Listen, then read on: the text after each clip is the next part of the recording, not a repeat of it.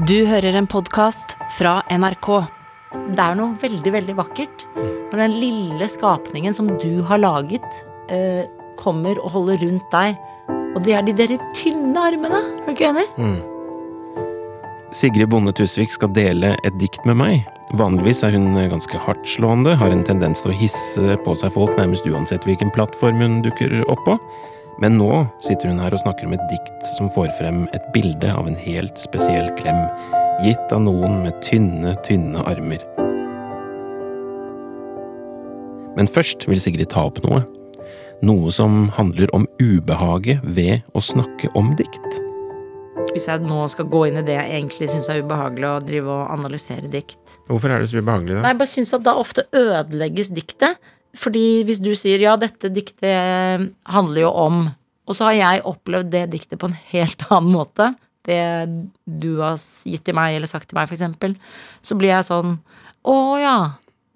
Ja, men da Og da klarer du ikke å se tilbake på det du så i diktet, siden du nå da har sagt til meg Dette diktet handler jo om det er jo som Det, var, eh, det er en eh, amerikansk sanger og litt sånn komiker på Instagram som heter Elise Myers, som sa det om eh, Teslaen. Den derre hvite, eh, lille Teslaen.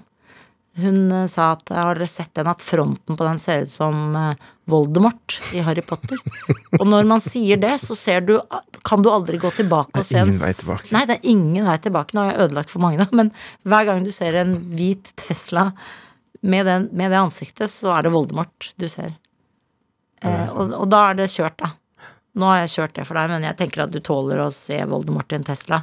Det er der denne diktpodkasten ligger og vaker litt. For jeg tror noen blir litt provosert av det, at vi holder det så åpent uh, som vi gjør her, på en måte. For det er jo litt viktig for meg, det.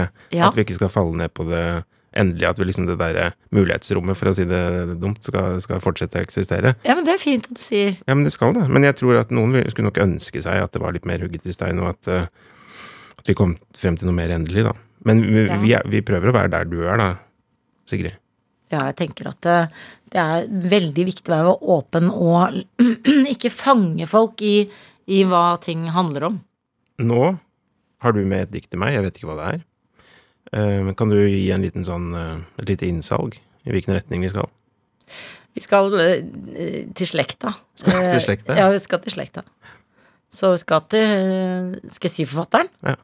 Ja, at skal til Marit Tusvik, selveste tanta som jeg Så tok den nærmeste poeten jeg har i, i nærheten. Hvorfor det? Jeg syns hun fortjener å bli lest mer. Du ser hun har brukt tre uker på hver setning. Det elsker jeg med Marit. Er Sånn, jeg føler sånn Hvis noen sier sånn Ja, og Sigrid Bonde Tusvik kommer, hun er jo komiker og forfatter, så liksom får jeg lyst til å si sånn «Pss, Tvil, liksom Nei, du kan ikke si forfatter til sånne som meg. Eh, som bare skriver litt her og litt der og gir ut bøker bare fordi du har kjent navn. Du må eh, si forfatter til de som er forfattere. Marit Tusvik er jo forfatter. I hele sjela. Hva innebærer det? Hun skriver én bok i året, nesten av og til to. Hun skriver jo drama. Altså hun er jo helt eh, ekstremt produktiv. Det er jo knallhardt da å være forfatter. Så det er jo det også respekten for hvor hardt det er å være forfatter, da. De får 39 kroner i royalties når året er omme, liksom, for boka si. Og jobbet med den i to-tre år. Få høre et dikt av Marit Tusvik, da. Ja, det skal du få lov til å høre. Det kommer her. Ungen min. Alt jeg vil seie er kanskje sagt før av tusen andre mødre, men jeg tenker slik på de små armene dine som du legger rundt halsen min. Profilen din er kinn og auge, vesle blåbær. Kom, lille mamma, sier du og ser på meg med tusen år gammelt blikk. Ja, hold meg vesle toår, hold meg i de sterke armene dine, byss meg i søvn.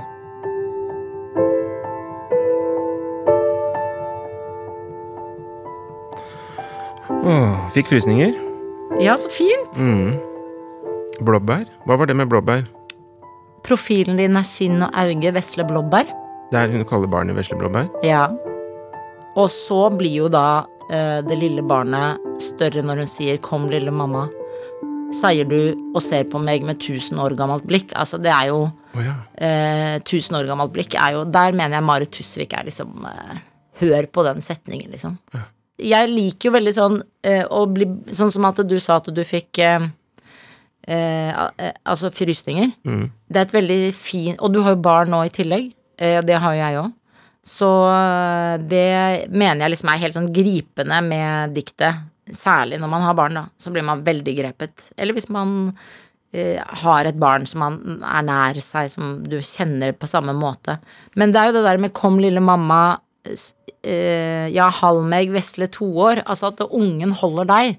Jeg er jo snart forbi den derre minste, minstegutten min, Jens. Han er nå Han ble seks år nå. Og han holder fremdeles rundt meg med sånne voksne, tynne armer. Så du av og til føler at han er voksen og du er barn. Fordi de kaster seg jo litt sånn rundt deg, de små. Som de plutselig slutter med, ikke sant. Datteren min på ni år, hun klemmer meg ikke på samme måte lenger. Men den derre fra de er to år, da, og, og kanskje til fem-seks, det er jo en sånn Jeg skal passe på deg. Kan du De kan til og med si det, men du også føler det. At de sier 'jeg skal passe på deg'. Så den, den klemmen der, mellom to og fem år, den er Hvordan, hvordan kjennes Den den? føler jeg, når hun beskriver den i diktet, Ja, Hallmeg Vesle to år Altså, det er så søtt, fordi du bare Den har du hatt, har du ikke hatt den? Jo.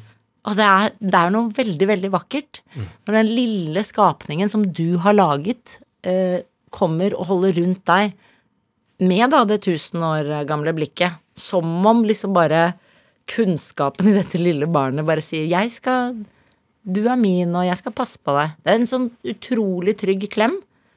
Eh, som er overraskende, for det er jo du som ofte som voksenperson klemmer for å gi trygghet. Og når du da plutselig opplever den klemmen tilbake fra de små, eh, og den gjør det jo før de er blitt selvbevisste, ikke sant? Der de tenker 'ja, nei, men jeg klemmer deg nå', så har de liksom en sånn voksen klemming på gang når de blir litt større. Mens den derre omfavnelsen når de er bitte små, er helt vill. Og det er de der tynne armene, er du ikke enig? Utrolig fin, fin. Og så det at de er kloke, ikke sant. Det er også, tenker jeg, med det diktet, da. Den neste klemmen man får etter, et, etter fem, seks, syv hvordan, hvordan føles den? Den er jo eh, også fin. Eh, jeg får jo den eksempel når jeg henter datteren min på skolen, da får jeg den klemmen. Eh, med sånn 'jeg har savnet deg'-klem. Men den er mer hurtig. Du har ikke den derre visdommen lenger. For det forsvinner jo, ikke sant, når du går på skolen. Da skjønner du jeg er ikke vis nok. Her skal det læres. Så da forsvinner den klokskapen som de bitte små har, da. Da forsvinner det tusen år gamle blikket, rett og slett. Og så kan du selv tenke tilbake da du var barn. Da du klemte eh, noen du var glad i. Veldig ofte da moren og faren din, kanskje. Hvis du hadde mor og far som du ville klemme. Jeg klemte jo veldig mye mamma. Satt mye på fanget hennes, klemte og klemte. Så jeg kjenner jo den følelsen. Så du trenger jo, du trenger jo ikke å ha barn for å kjenne den klemmen. Du har jo gitt den selv. Mest sannsynlig, da. Til noen du har vært glad i. En farmor eller et eller annet. De fikk mye, de som er glad i å klemme. Men det er jo en del folk som ikke er noe glad i å klemme. Ja, de går jo glipp av ting. Pappa er fra Vestlandet, de klemmer nesten ikke i det hele tatt på Vestlandet. Det er veldig rart å klemme. Han klemmer med bakhodet. Harde, vonde klemmer. Altså Når du klemmer pappaen din en dag i dag, så er det fortsatt litt sånn Ja, klønete. Ja, det er som å klappe en hund der du liksom tenker 'jeg håper denne hunden her vil bli klappet akkurat i dag'. Ja. Klapper han ofte på månen, da blir han jo krenket i tillegg. Sier 'mobber du meg'?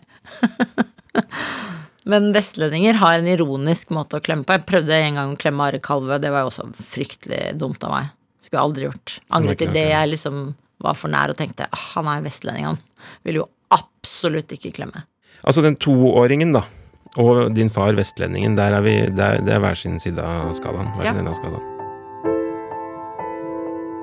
Ja, jeg syns dette er så spennende, fordi jeg eh, merker nå når du snakker om dette, her, at jeg har et ambivalent forhold til det. Fordi har, min eldste sønn, da, som har rukket å bli eh, ti år, Mm. han har det der at han kan si ehm, Altså På den ene siden så er jeg veldig lykkelig, for jeg opplever at han har utviklet noen empatiske evner. Og han kan si sånn 'Går det bra, pappa?' Og så blir jeg først veldig glad for det. Men så tenker jeg sånn Ja, men han skal jo ikke passe på meg. Eh, han skal ikke være opptatt av det. Nei. Så jeg blir først glad, og så litt bekymra. Men, men hva er liksom uh... Men det tror jeg er veldig fint. da, Han er en fin fyr. Han er en veldig fin fyr. Mm. Uh, Men han skal ikke passe på faren sin heller. Nei, men jeg tipper jo at du er såpass trygg i deg selv at han får ikke en følelse av at oi, oi, oi, her, her må jeg passe på faren min. Nei.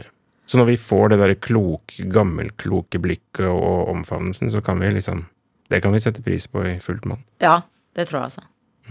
Eh, og jeg tror det er sunt at man uh, Jeg har jo sett liksom moren og faren min i sårbare situasjoner og lei seg på jobben og snakket om det rundt uh, middagsbordet mye, da. Ja. Lei seg for ting som hadde skjedd, og pappa er jo forlegger, så snakket om mye følelsen nettopp rundt forfattere, da. Som er følsomme mennesker. Og det å være såret av forfattere, for eksempel. Jeg synes det var helt fryktelig når, liksom, når han refuserte kanskje diktere som bodde på Vestlandet, som, du, som hadde rodd i mange timer i, om vinteren til en telefonkiosk for å høre bare avslag på boka. Altså, det var helt Da sto vi sånn rundt og gråt. Det var i ordentlig gamle dager, da, da vi sto rundt telefonen. Det gjør man ikke lenger. Nei. For ikke sant, da tar du opprøret. Det er en mann Pappa, det er en vestlending som har rodd. Tenk på det. Det er jo Ja, det var, episk. ja, det var, det var jo tider at man visste alltid hvem som ringte folk i familien. Får man jo ikke så ofte vite. Nei. Nei, det der at alle har hver sin mobil, at ingen ringer til husholdningen, det er et veldig tap, Ja, det, syns jeg. det var veldig gøy. Det. Du visste jo da plutselig hvem For eksempel hvis jeg, sånn, jeg som hadde da storesøster, så skjønte du plutselig hvis en gutt begynte å ringe veldig mye. Ja, Da var det noe på gang der. det er på Eller noen sluttet å ringe der, liksom. Så skjønte man at det er vennskap over. Da var det spennende da, om uh, gutten skulle ha tak i en smarte søstera eller en litt mer uh, frittalende lillesøster. Jeg hadde, hadde noen som ringte meg hver dag og spurte om lekser. Martin.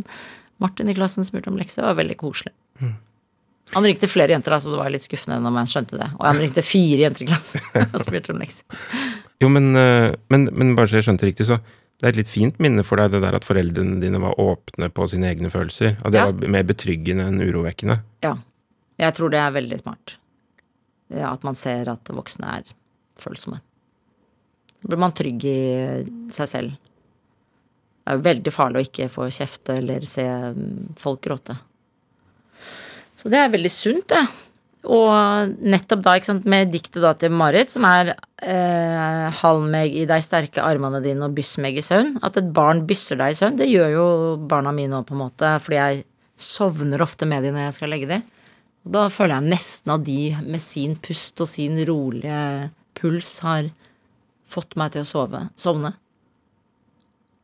Og ikke jeg fikk dem til å sovne, på en måte. Det er veldig trygt da for hele gruppa.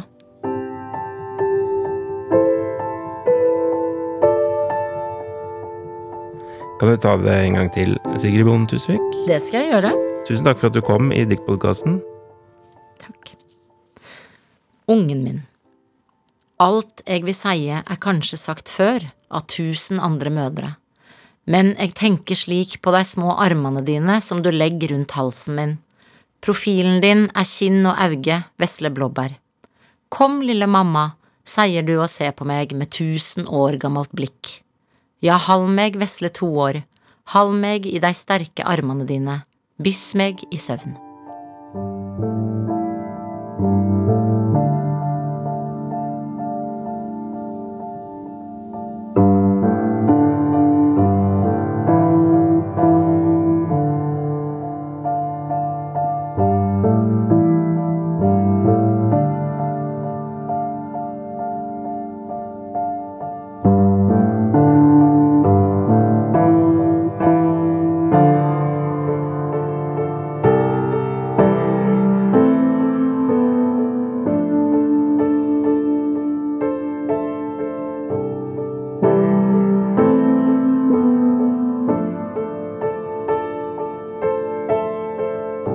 Denne podkasten er laget av meg, Hans Olav Brenner, Kristine Lossius Torin og Janne Kjellberg.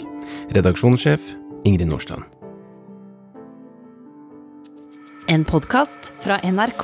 I Samfunnspodden er vi sammen med folk der de er. Vi skal løse problemet med at folk kan bli avhengig av opiater som de får for å stille smerter. De beste forskerne hjelper deg med å forstå hvordan alt henger sammen. De spørsmålene vi stiller oss om sosiale medier nå, er større og mer alvorlige enn før. Du får vite mer om hvordan sammenhenger, både små og store, påvirker din hverdag.